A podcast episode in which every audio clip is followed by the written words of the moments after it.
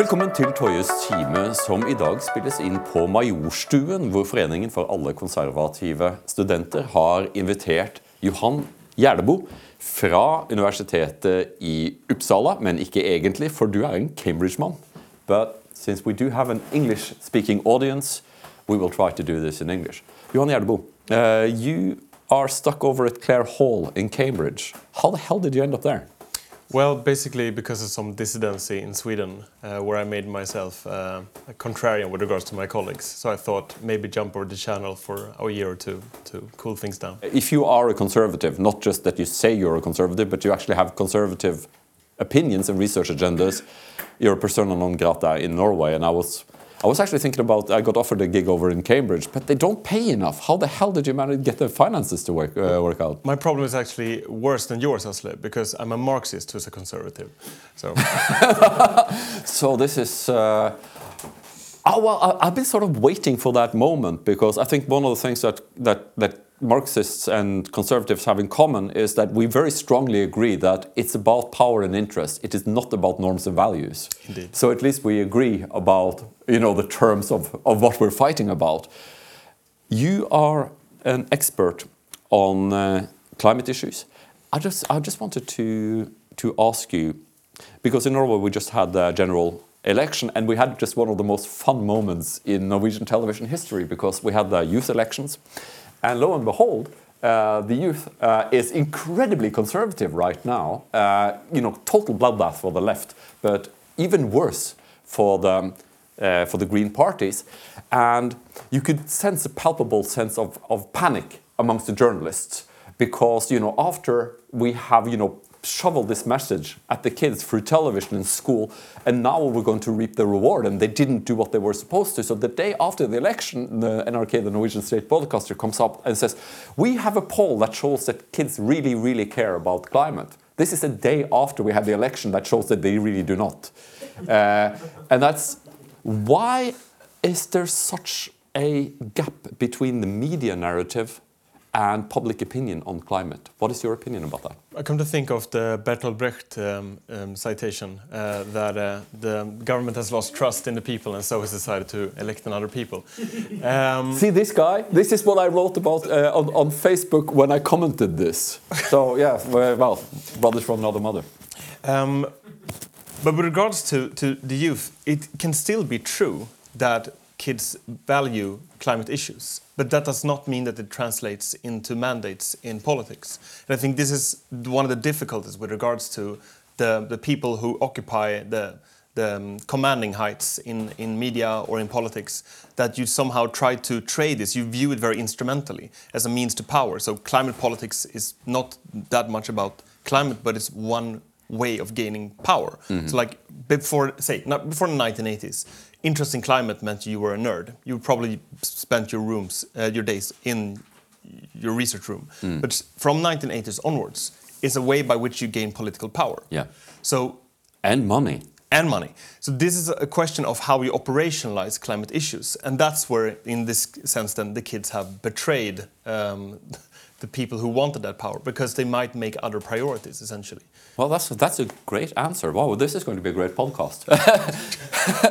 so tell me, uh, you started out as a Marxist, a Marxist or a Hegelian? Um, oh, that's a very good question actually, um, and in a way, it's more Hegelian, I would say, in the sense that the method is Hegelian. Uh, so the end point is, has become less important to me as much as seeing the opposing or uh, the, the, point of antagonism, essentially. Yeah. Um, and trying to then trace ideas, the antagonism it is back to material interests. This is, of course, not to say that you are determined to act upon your, uh, your material interests, but at an aggregated level, that makes more sense to me, historically speaking. Uh, and hence also in a way why you can change your mind. So I find it rather than what the critics of Marxists would say. I find it actually quite malleable to, to thinking differently and interpreting new phenomena. Well, you know, uh, you're a man after my liking. I've learned a lot from uh, from uh, from Karl Marx, and the reason why I ask you whether uh, Marxist or or Hegelian past, because some people might be, uh, be be surprised by this, but this is 2023 and a lot of conservatives have your type of background. Uh, you know that you know this American saying that a conservative is a liberal who experienced to be robbed. I think that for many conservatives, uh, people have been robbed by reality. That they they they they found that what they have been sold was was fool's gold. The question I wanted to ask you is that in a Marxist sense, if we're going to be true Marxists, you know, Marx had this idea about historical innovi- uh, inevitability that uh, you know the, pro- the the dictatorship of the proletariat, blah blah blah. Nobody believes it in that anyway. But I'm talking about the conservative movement because we're now at the at an inflection point, uh, as Joe Biden would see, say. Uh, and for it looks like the conservatives are going to win now, uh, mostly because of the ineptitude of the governing elites. And in a Marxist term, uh, you might think that this might lead to a really quite wonderful conservative future.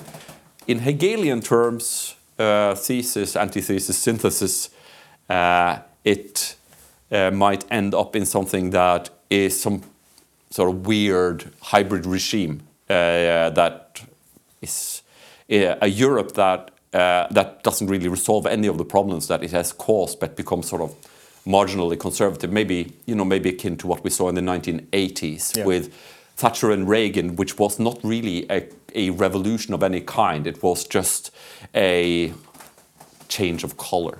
What's your view on that? I mean, my view would essentially be fairly agnostic here, because in a thing, in a way, I think what you're describing here is the question is how do we solve it? And I'm not sure that you can hope for, in a teleologi- teleological sense, we're going to end up with something that is quote better. Um, I th- I think. And honestly, I'm not even sure that I would want to have a Republican win in 2024 because if, this goes on, it's going to be more apparent that the um, the decrepit state of the, the US administration is probably more apparent with uh, another round of Biden policy. Well, but that is, I, I, I've been struggling with that thought because I think that on the one hand, just to give you an example, you know, like had this, they had the biggest political science conference in the world. The ISA was hosted in um, in uh, Los Angeles. it was quite funny. One of my colleagues, who's definitely on the left, wrote this sort of shocking update where he was saying that we are all shocked at Los Angeles. They felt like they had landed in Beirut in 1983, and they're all shocked. All the Europeans, all the Europeans, we're all shocked. We're all shocked. We're all shocked. You know, like I went back to.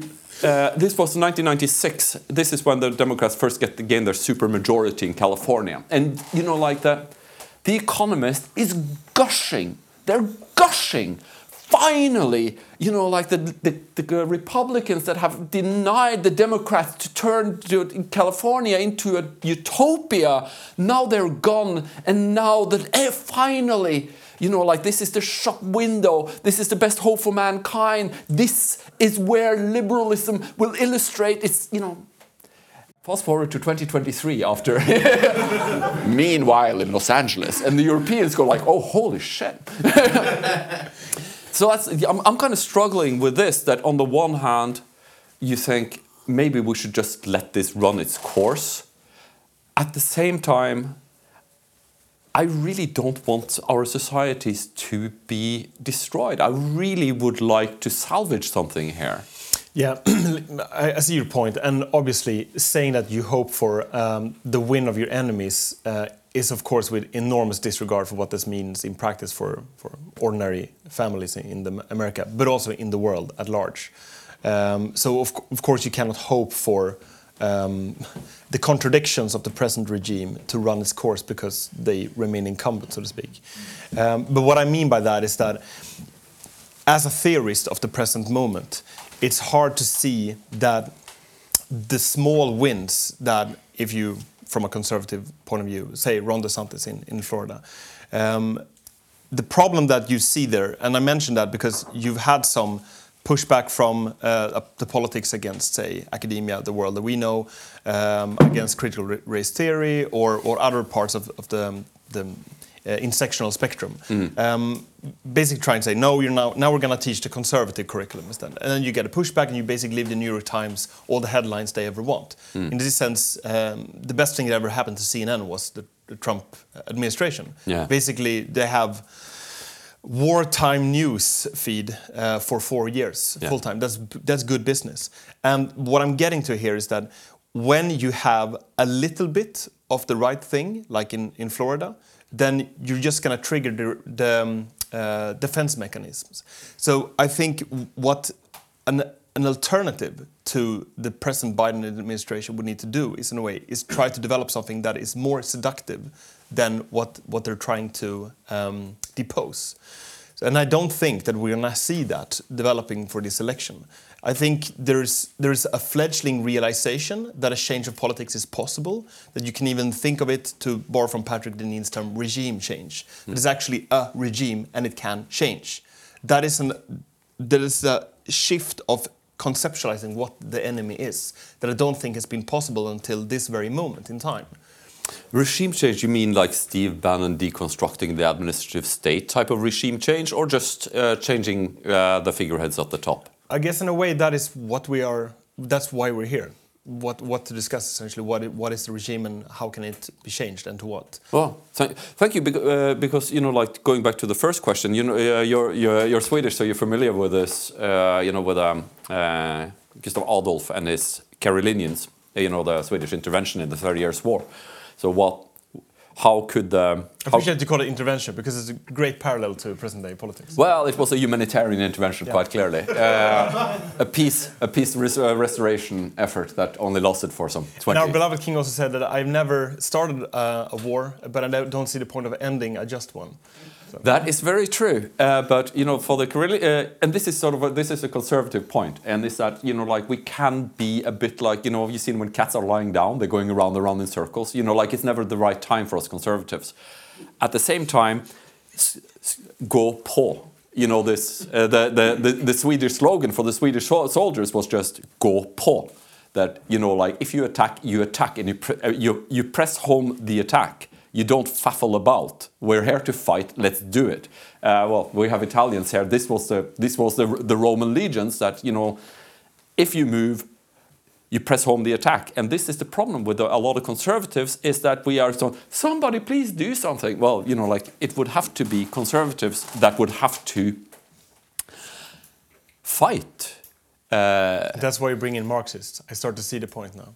I no, thank you. Well, that's uh, you're, you're not you're not completely wrong. You're not completely wrong because you know, like when we have these conservatives gatherings, you get a lot of men who like to wear colorful uh, waistcoats and and uh, and women who like pearls. I think that the conservative movement needs a bit of that sort of uh, aggression, uh, a willingness to to fight, that an, an acknowledgement that nothing is going to be handed to us. You know, like for conservatives, I think that a lot of conservatives imagine this sort of moment when you know.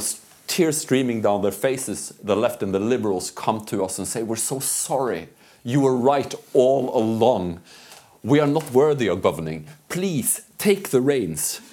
We will follow you. I don't think that's going to happen. So look, I think you're right in the sense your comment with regards to Swedes, the, the gå på or go on. Uh, that approach, I think, is very much still present in how our state is being run at the moment, and and would also explain the inertia and the momentum in some of the policies. Even though you have a change in, in public opinion for, for decades now, Yeah. you still have the same approach from the from the, the state as such. Um, so, so in that sense, that, that legacy is still there. So I see the problems with it. With your point of how to, how dissidents or, or political alternatives or alternative elites mobilize with regards to this, I think the question more comes down to, on the one hand, there's a logical critique. And I think that is something that critics have become very good at because it's safer. But there's also, if you take the Swedish example again, an acceptance for or the um, adherence to chieftains. Yeah. That you want people to be leaders. And leaders are not necessarily the smartest ones, but they, they have a pathic approach to politics. Uh, and I think this is why Steve Bannon also described President Trump as an imperfect tool. And I think this is something that is close to how politics work, also in democratic states. That if you look at the Social Democratic Party, it's a lineage of chieftains. And even the, the late progressive uh, Olof Palme could be said to be one of these chieftains. Oh, certainly. Um, and I think the characteristic of the Chieftain is on the one hand that you can do things. Um, brutal is perhaps not the right word, but perhaps you get what I mean. Yeah. Uh, in a brutal manner, but then you also have a story that is being told to to society. And I think what is what is lacking at the moment, this is uh, nothing to lament, but an opportunity. Um, how you create another story. That is essentially what we're looking for. The, the left or the progressives had a story, a myth, up until present time, which is basically we hold the dark forces of fascism at bay. Yeah. That, that's our story. And then the society they, they built uh, doesn't stand up to the myth. So they are defending the myth or the discourse. This is what political correctness is essentially about. Yeah. Whereas the conservatives, as you say, are concerned about society as such. So for the conservatives, it's more about creating a myth whereby these go on civil servants can shift from one myth to, to another because they will not stop. They simply need to go to another myth. The reason why Sweden behaved so well uh, in the Thirty Years' War, all Catholic present, uh, of course, this is a matter of perspective. Um, but you know, like I, there, there is a point to this. I we think should pay historical homage to, to the, the, the, the Germans uh, whose land we, we inherit and stand on. Well, then they should thank Sweden for spending so much time and effort. Uh, no, I'm joking, but you know the, the point here is that the you go Paul. The whole genius of this is that you force your opponent to react. They are not on the offensive; they are on the defensive. They are they are they are scrambling to figure out what the hell you are doing. I think that for most of my life, conservatives we've always been on the on the defensive, uh, and quite often in in ways that we find peculiar and also quite intellectually di dishonest. It's these denunciation circles, you know, like you were there, you were there in the in the early 2000s, where it's like you're a conservative and go like, what do you? The first question would be, do you criticize Viktor Orban? And you go like, uh, what? uh, because Viktor Orban is the devil is the sum total of all that is evil in the narrative that you just described. And and we've like suckers, we've always you know like oh well we don't really have a green policy and you know like desperately trying to catch up. Uh, don't you think that we need to get on the offensive and establish a narrative? You say that that narrative, and I agree with you, should be ideally in a Kuhnian sense, a narrative that the vast majority will be able to buy into without admitting to themselves that they changed opinion. So they will say, "No, no I always, I was always," you know. So that's that's that's how it, that's mechanics. What's the cause? What is the beating heart of this narrative that, uh, as you see in 2023, where is the most amount of people that is out of, uh, and where is the elites most out of touch with reality? I think the cause, we don't have to go further back than the end of the Second World War, where essentially after the two world wars, which are essentially European civil wars, uh, for all intents and purposes that we discuss here, at least today, is that you had a belief in a Christian civilization, whatever caveats you want to put in there. And you could more or less with a straight face say, what would Jesus do? But you can't do that after the Second World War. Mm. Then it's essentially a question of what would Hitler do? Do the opposite of Hitler. Mm. Don't be Hitler. That works if you want to uh, avoid like outright genocide, mm -hmm. but it's detrimental if you want to build another society because it's a, it's a negation.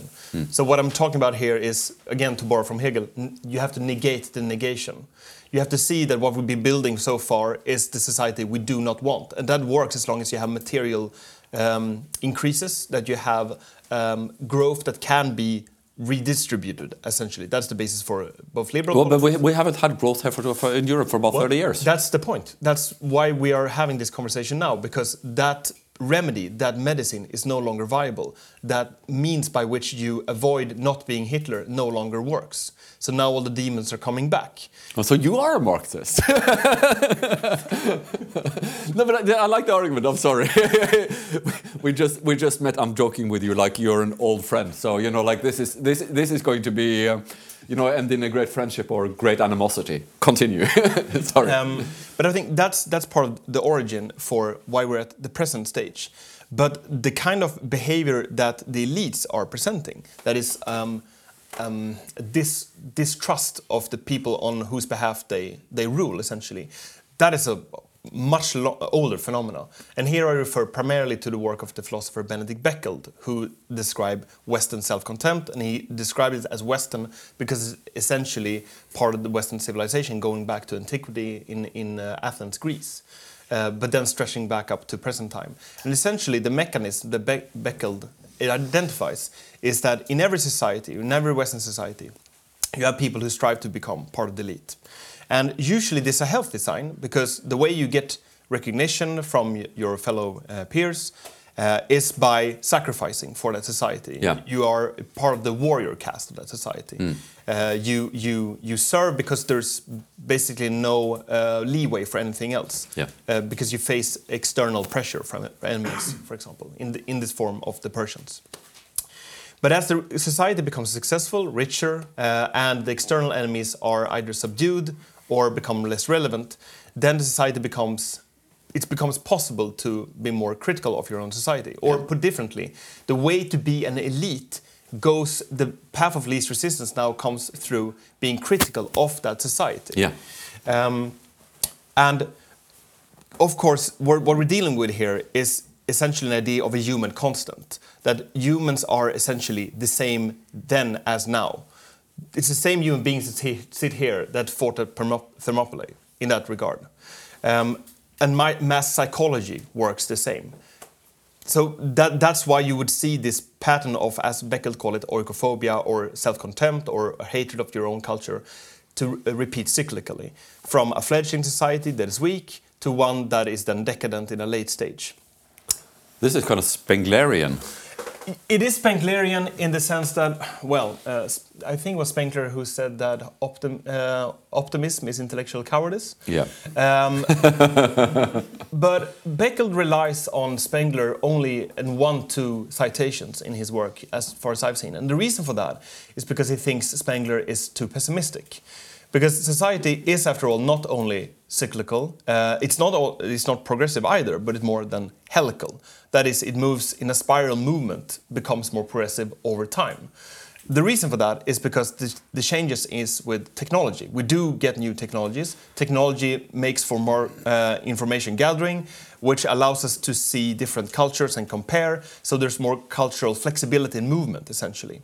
This would explain why every cycle then, if we go for, for the, the parable that Beckeld describes, it, to become more progressive than the previous one. And here I think we get back to the problem that you described about conservatives being cats running around that, that what you're essentially chasing is the tail of the previous cycle instead of trying to figure out what to do at this present time and moment. Wow. Thank you for actually, you know, taking my metaphor and turning it into something useful. uh, well, when it comes to uh, the question about how to become an elite in a society, you're right. Uh, traditionally, uh, if we go to, back to sort of Victorian society, the way that a young man uh, that were not born into the elite would enter the elite would be through sacrifice. Through sacrifice in the army, through sacrifice or, or to be to, to join the church and show your or to, to build a to be part of a social movement. But it would always be you know through leadership to shoulder the burden of others. I think that our current times you know the greta thunberg times is quite interesting because uh, one of the people um, that I discuss a lot uh, these issues with here in Norway pointed out something that's quite interesting to, uh, to me. It was saying that you have to keep in mind that the 1968 generation were children of the elite who came up to a point where they realized that society was changing, it was coming, uh, and they wanted to re uh, remain elites. So they managed to do what was incredible. They jumped astride the civil rights movement, or and said, "We are the true and this is, you know, like this is Olof Palme in Havana. See, he's, you know, the, the aristocrat Olof in Havana speaking, you know, like Olof is the downtrodden, and so was, you know, like, and so was Alva Myrdal, and, and, you know, all of these come from upper crust of Swedish society. The, I think that what we've seen with agreement, in some ways, in the sociological sense, is that this, these are the grandchildren uh, that again uh, the Stoltenbergs of this world feel a need to say, well, no, we are not. That we are the Eh, embodiment of the climate. Meanwhile, meanwhile on planet Earth, nobody wants to serve in the military anymore. You know, like the you know that old the old school conservative society that you should sacrifice in a, you know in order to gain the to credibility. You show society that you're willing to shoulder the burden, and therefore you're given a place. Well, you know, like that's old old old hat. Obviously, what you need to do is to get your mother to date a PR agent who discovers you and then, you know, like turn into a personality cult. That's, you know, like so much easier and let's face it, also much less work. Meanwhile, uh, the Americans have like a 50% for shortfall in recruitment for their armed services at the same time. And this is something that I find fascinating Norway, Sweden, entering into such bellicose and aggressive policies that we would never do during the Cold War when we actually had an army. It seems to me risky, and this is not going into the question about you know the rightness or the wrongness. We all agree that Russia has no right to any part of Yeah. Ukraine. We all agree that. We are all rule followers here. But it must also be allowed to say that, you know, to go and pick a fight uh, without knowing how to fight is risky. Any man knows this. You know, if you go into a bar and you didn't pick up boxing and you have never been in a fight in your life, and you don't really start, you know, like mouthing off to a man who looks like he can fight uh, because he'll he'll damage you. At the same time, meanwhile, you know, the Americans can't fill, you know, their, their quotas for their own army, 50%. What do you, is this a time, is this a sign that uh, whether or not the conservative movements get their ducks in a row, uh, the liberals are so busy destroying, uh, the, you know, bringing about this point in, of inflection that you were talking about. That, you know, like it's an academic discourse. Should we fight for the victory and take it, or should we, should we wait until it collapses?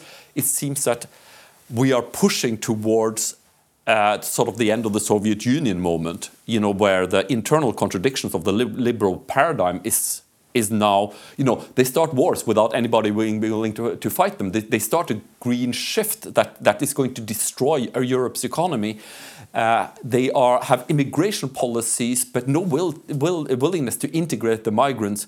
You know, all of it seems to turn into the turmoil of our age. Do you think that uh, that this system can, can be maintained? Do you think that we will be called upon uh, to to think anew soon, or do you think that it's just going to turn to peter out into sort of stagnation? I think you listed three uh, really crucial examples here: starting wars that nobody's willing to fight, um, um, taking migrants which you're not willing to integrate with, uh, or embarking on a green transition which doesn't even have the rudimentary uh, electricity capacity for, for instance. Um, and I think the, it, this brings us back to what kind of view of history that we have, or even philosophy of history. That is, what, what the current elite thinks of is essentially a progressive view of history, that the arc of history bends towards justice, to paraphrase from Martin Luther King. And like everyone here would like to think of themselves as someone who, during the Second World War, would have fought the Nazis, or during uh, 19th century would have been part of helping abolish slavery, whatever. That, that you're that kind of person. But this idea rests on the premise that there is one a movement towards greater uh, justice, but also that there is such a thing as an eternal self. Uh, and uh, again, I'm relying um, to a fair amount here on, on Beckeld um, to, to put this together. But essentially, the reason why I think we need to think of this as a conflict over the view of history, where what we're describing here is something, if not cyclical, then, then helical, uh, as opposed to something progressive, is because the idea of the self is something that has gone from Western uh, from the um, beginning of Western civilization, from Plato with the uh, Egyptian idea of a soul, but then gets supercharged in Christianity with Augustine as something that we then have a responsibility of creating justice in the world, especially if you um, fast forward to Immanuel Kant and the um, categorical imperative to be moral in the world. This is important because when you get to modern times, the idea of creating um, justice in the world, because it's, it's the will of God, is a secularized um, notion of creating justice in the world. So it's a creed. That's why you can start a war which nobody's prepared to fight because it's a just war. That, that when, when we go to Havana as Swedes, it's not just only cyn- cynical. I think Olof Palme had very real political reasons to going to, to Cuba to make alliances with the Third World, for instance, uh, because it allows for our uh, very bizarre uh, neutrality uh, that, that only Sweden is, is possible to do, you know. Uh, it's, no, it's, it's, Sweden is a remarkable country, uh, the humblest of nations.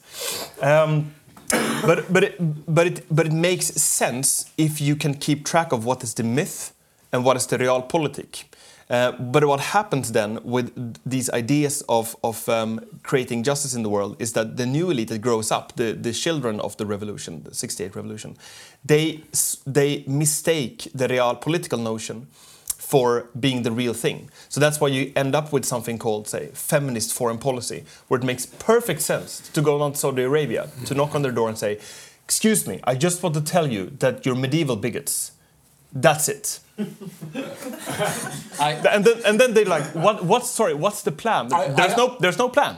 I, I, I had the most wonderful moment in New Delhi. I was uh, I was I was uh, I was actually sitting next to Carl Bildt uh, uh, when the Swedish uh, Margot Wallström was in Delhi, and she The foreign en- minister of Sweden. Yeah, foreign, foreign minister of Sweden, and she enters the stage. You just have to. You just, I don't know if ever, any of you have traveled abroad, you know, to you know to foreign lands, um, but in foreign lands, uh, I'm told that you know, like it's it's very important to dress, you know, in a certain way, uh, you know, to show that of authority and representation of the Swedish state. She shows up in what can only be described as an motorcycle-inspired jacket, uh, and the Ital- and you can see the Indians are are, are uneasy. Uh, who is this person on stage? Why hasn't she washed her hair? And then she launches into the feminist foreign policy. And you can, even, you can see just the body language in the room. Men and women are going like, oh, they're, they're hugging themselves and they're going like, what the heck is this? It was the most poorly judged speech I've ever seen in my life. Even Carl Bildt, who is a man of great ego, looked like he really wanted, you know, like that that a hole would open in front and that he would just fall into it. It was just such a huge embarrassment. And what I found most enjoying. this is a recurring thing in Carl Bildt's life when he was also in uh, Rinkeby in '92. Uh, They- we shall overcome. yeah, we should overcome it. For anybody who doesn't know what we're laughing about, go to YouTube, put, take, uh, put in Carl Bildt, We Shall Overcome, and you will find one of the most beautiful moments in European political history. It's amazing, absolutely amazing. What I found also Also very Hegelian. also, he- also, also very Hegelian. Um, But sorry, I interrupted you. Well, I think that when you were talking, I had this moment. The, I, I had this sense that you know when you're on the 10 meter diving board. Uh, you, you guys probably don't do this anymore, but I have a 13 year old son, so I have to repeat all my my previous feats of bravery. Uh, and I can assure you, when you're close to 50, it's not very enjoyable at all. But anyway, you know the feeling when you're standing at the 10 meter and you, you're about to jump.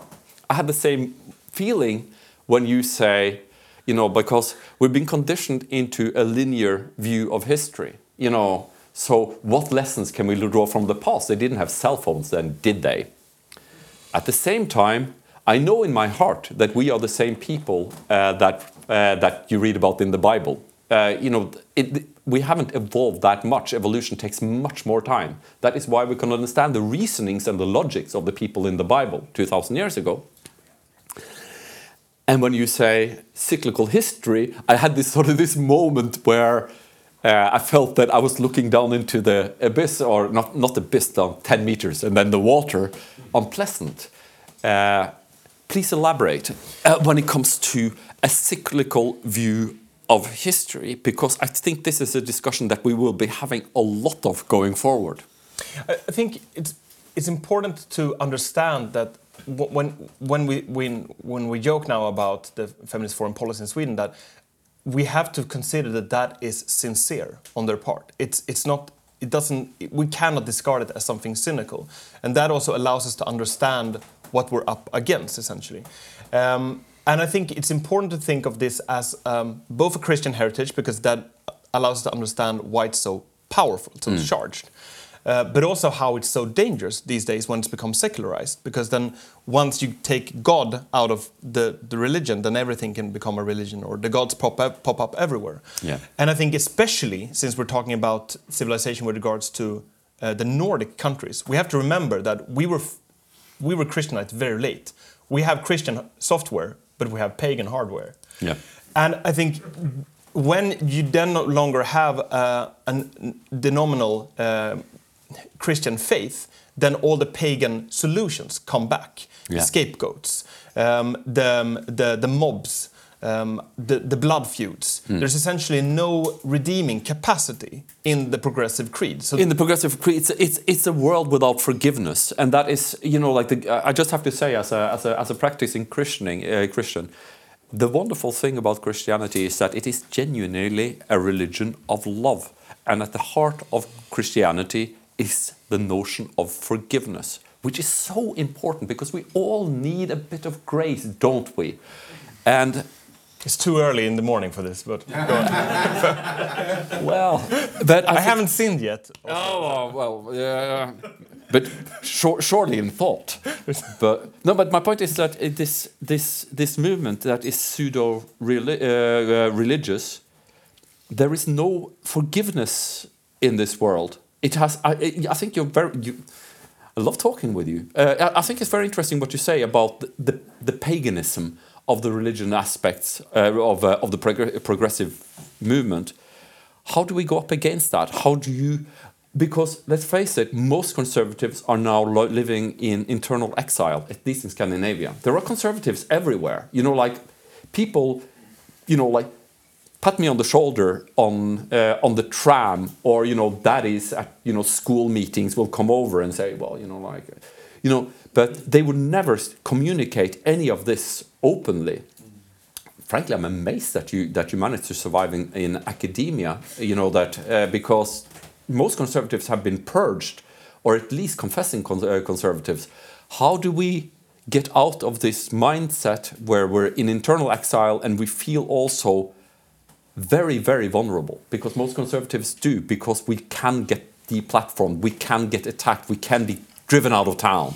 On, this note of being patted on the shoulder, I, I must say that that is actually um, that's what um, disappoints me the most. Still, um, that the people who do not dare have that conversation in public, they would I would rather have them not even talk to me at all. Um, or send me those emails. I do get those contacts like you do as well, Asle. I get about five a day.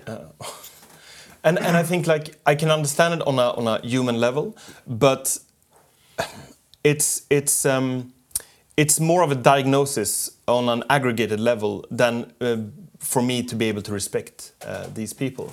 But at the same time, um, I do think that you cannot have the view of yourself as a victim. There must be some some vitalist notion of what you're doing, and you cannot also um, lament the issues you're going through. They're more like evolutionary pressure that allows for better ideas to be developed. I think that's my, my personal relationship to what, what you just described. And I think everyone can, can have that view. But this is important, I think, because what you're up against, the, what we've been discussing now as more in a crude manner progressives, is that when they oppose um, what they see as injustice, they also v- do it from a feeling of being vulnerable. Yeah. They, uh, uh, they think of themselves as being victims or speaking on behalf of victims. Always on behalf of victims. Always on behalf of victims. Yeah. And this also explains the brutality by which they treat their, their opponents. Mm. Uh, so I think it's, it's important to understand the mentality that goes into someone who is in this position. Because it also might spell out, might we come back to that at the end of the conversation, the compromises that we can see going forward, or what, as you said earlier, what does victory look like? Well, uh, but I think that you know, like, I just want to jump in with a literary reference because you know uh, Bishop uh, Bramming at in Ribe uh, in Denmark wrote a book about Vikings in Scandinavia. Basically, he is writing about the experience of the first Christians with the Vikings, uh, and of course, you know Saint Ansgar first came to Ribe.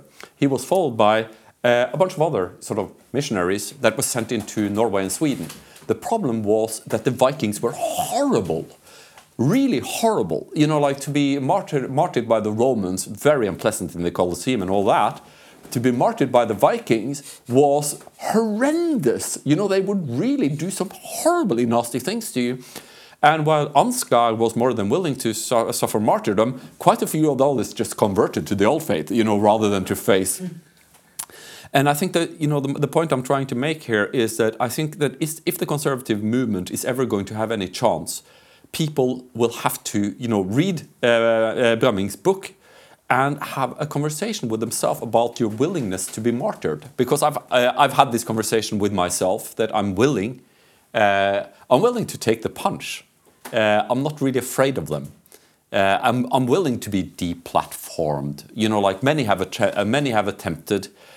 And once you've had this conversation with yourself, like you know, like it's it's like that book uh, Bushido, uh, Bushido Code of the Samurai, that you should invest in your own death. You should think this through to the end because then you're not afraid anymore. And I think that we need more conservatives who are willing to stand up and argue reasonably, reasonably without fear or favor. I think uh, when you refer to Bushido, um, I also think there's the 1700s um, um, Japanese novel uh, Hagakure, um, where, as you said, you you, you, you, you envisaged your death until the point where you're already thinking of yourself as dead. Thereby, you're enabled to do you can do anything because your life is already over. And I think that if someone thinks of their life that way, um, I read, I read um, an American soldier who was in, in Iraq who, who read Hagakure every day in order to think that he was dead so that he could go out and make sure that his friends did not die on mm. missions. But his life was already forfeit. So, because I think there's a generation of conservatives, and many of them are here in the room, that, that would benefit from that kind of thinking because the dream A.J.P. Taylor uh, uh, wrote uh, in his book uh, about the German century. He was he was talking about the Frankfurt generation of 1848, many of whom were liberal, but also many of them conservatives. And he said their you know their their youthful ambitions uh, of change had had become stale, and they now believed in compromise and a painless revolution uh, without any sacrifice or without even the consent of the of the population. And I think that's a, that's a fallacy. I think this generation of conservatives, some of us will have to be brave. I think it's one way of thinking of how to be brave um, is when we talk about views of history. Is that what what progressives do essentially is that they are othering the past. Yeah. To use the language of progressives, like the, the, the you, you would say that conservatives are othering other people. Mm. So you can think of this as uh, conservatives would then be um, um,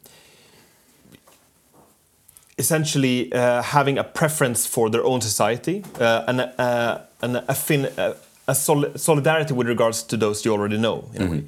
Whereas progressives would then um, be be adverse to previous times. So I think one way of being brave is by bringing in the entire human experience. That is what we need to break with is presentism. To think that the present time is somehow uniquely different from other times. And once you do that, then frankly put, thinking becomes funnier.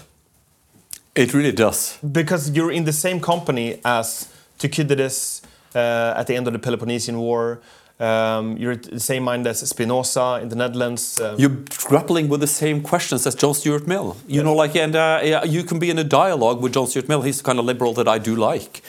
Uh, I, I, I, I, completely agree, and I think that is also part of the pull of the conservative movement towards young people is that we are not uh, at war with history you know, like all the all the all the wonderful things uh, that can be learned and uh, and enjoyed from from the past is at our hands, whilst progressives they can only offer offer you you know like whatever's on Netflix. But but my uh, barely. I mean, I, should I should stop my subscription there. but but my point about breaking with presentism and it's not just that it's it's a pastime hobby or a better cope but that you can then also envisage that whatever goes on now um, is not necessarily the last fight, the last war. And I think this is this is a difference from how progressives view this election coming up. That every election is the last election. Uh, it's almost cataclysmic, um, and and breaking with that myopia allows you also to trace out how you can build new alliances what uh, new victories, uh, that you also can in fact see the good in some of the bad things uh, that are happening, and vice versa. There are bad things in, in the good, so you can make choices. But you, this is only possible if you're then able to think of that what we're doing now might not achieve the ends that we want, but it might be, enable others. So this is a. I understand. Perhaps it's not uh, conservative in the sense that you want to conserve whatever you think is good now, but it allows you to think what life looks like later on. I think the Jewish community is very good with this. That because suffering, persecution in most societies, they have had to um, look for what society looks like later on as well, to find other ways of, of um, uh, getting, getting by, even though the life that they expected didn't turn out the way uh, they had hoped for. Well, but, but, but we are here discussing the decline of, of the West, but you know, I, I think that's that's kind of a, a European way of view, viewing it because you know, like the United States is not really declining; it's we who are declining. You know, like if we, you know, like the West, you know, it's all of us, but it's not really Canada and the United States all that much, at least not comparable to us when you look at the at the statistics. How do you see this going forward for Europe? Because on the one hand, uh, we have been discussing at length uh, the, sh- the shifting tectonic plates uh, of, uh, of ideological camps and solutions, in, uh, which is normal. But, at the, yeah, uh, but the grand narrative is a Europe that has gone from in 1964, Europe had one third of the global economy. Today, it has one sixth of the global economy. Uh, and in 2050, uh, according to PricewaterhouseCooper, uh, Europe as a whole will make up less than, uh, but will not be among the top 10 great uh, economies of the world. India will be the biggest, America, you know, like they, they will all be contending. Who fell off the map will be the Europeans. Are we discussing, are we fighting over, you know, ownership of ruins? I'm not sure if it's necessarily the ownership of the ruins as what we can build among those ruins. That is, um, take academia, the place that both you and I have dedicated a large part of our lives to, Yeah. and in a way love. But it's a diff- we have learned to see that there's a difference be- between the place of academia and academia within yourself. That is like academia as a sort of god, a creed. Yeah. And that is what you're loyal to when you criticize your colleagues, even though you know you're, you're going to try to trench warfare you. Yeah. You still do it because it's in your own creed. And I think shifting to thinking that these are the things that we try to maintain or preserve uh, because they used to be the places that held knowledge or discussion or debate. But that, that's not necessarily the places that's going to be there in the future. And I think accepting ruins is also part of finding these other venues. Like, I mean, look, the fact that we're doing this on your own podcast, you know, Yeah. speak volumes. Uh, say just 20 years ago, it would not have been possible to get this message out. The debate would not be. Oh no, it certainly would have been possible. Uh, you know, like it, it would just be uh, you would be at NRK. There would be three left wingers arguing against you. They would all tag team. And if you, for some weird reason, you know, got a rallaslag and actually, you know, like and made contact, then the the, the host, the, the the journalist, would join the three and attack you. You know, like I have I've been in so many debates You like want to talk that. about this? What? You- This seems like this happened to you. You want? No, no. This, is- this was this was the way of public discourse in Norway before the internet. this was how it was done. It was so rigged. It was it was just shocking. You know, against all you know, uh, against all fairness, and that is why nobody's watching NRK anymore, and everybody's on YouTube. And this is why we are here today because of YouTube. You know, like it, you were talking about technology. The conservative movement wouldn't have a, you know, like a snowball's chance in hell if it hadn't been for the internet. Because it is this, the internet is what is uniting all these disparate individuals who are sitting thinking alone. This is not right. I don't agree to that, and that's. Uh, But bring up this point exactly because I think when you see the changes, it would be easier to um, try to retrograde whatever whatever development you uh, or or um, um, uh, roll back whatever development ha has has gone on in, in the pre previous decades. But the fact that we have technological changes, I also think. Is one of the possibilities here, and this is not to evangelize like digital or social medias, but we are in a different position where it, despite other aspects of, of decay in society, it is possible to build other kind of solidarities which didn't exist before. So I think it's it's too early to say to to paraphrase from Zhou Enlai, um, but it's it seems to me that it is possible to new build new kind of collaborations that didn't exist before, and I, and I am fundamentally optimistic about that. Um, what's going to happen to the previous institutions like uh, academia once they get um, um, dismantled? And I say that because people are realizing that academia is too skewed ideologically to one side, and Mm. at some point will lose interest in it, and then you're gonna. Oh, that's already happened. Taxpayer money. It's already happening in Sweden. Yeah. We cut several like uh, areas of research, and now. Oh no, we're still investing, but nobody's using their expertise anymore because say, you know, like you, uh, we have, you know, disturbing news. The world is going to burn up in 2023, uh, and we have an expert here from, you know, from from the University of Oslo. Everybody knows that that is not an academician; it's a, it's an activist, and it, their expertise is therefore cheap, you know, because they're predictable. Uh, and so, uh, in Norway at least, they have the social standing of academia is in free fall. The money is still there. You you you you think that the money will the next step is that the drying- funding uh, that it starts drying up? I think it's drying up because it's also very inefficient. Um, like the the knowledge production on on these more uh, disparate autonomous sites is is fairly cheap. Sure, you could say it is skewed to one side and one side and so on, but that only makes it even with regards to what we're seeing primarily pushed out for academia. What I'm saying there is that the, the research is good. I'm not a- against that. What I'm pointing to is that you don't you don't meet your opponents, and if you do, you cannot describe what their arguments are. So I don't want to make this too much about academia because your question was more about the West in general. But the point I'm getting to is that if you develop these develop uh, these alternatives in your own national setting, then I think it's easier to deal with what I hesitate to say civil war, but like an, an uncivil way of approaching your fellow countrymen. Uh, I think is something that we are dealing with because these, this class of people who have been fed by taxpayer money will then uh, be supercharged uh, with resentment when they can no longer get that. Yeah. So we're going to see rising conflict as the previous academic institutions are being dismantled. Yeah. You already see this in the US. We don't have this to the same degree in, in the Nordic countries yet. But I think as things, in a way, are when you develop alternatives, the conflict will increase. And how we deal with those conflicts and and create means by which you can uh, convince parts of the old elite to change. That's when we can start to see solutions in the national setting.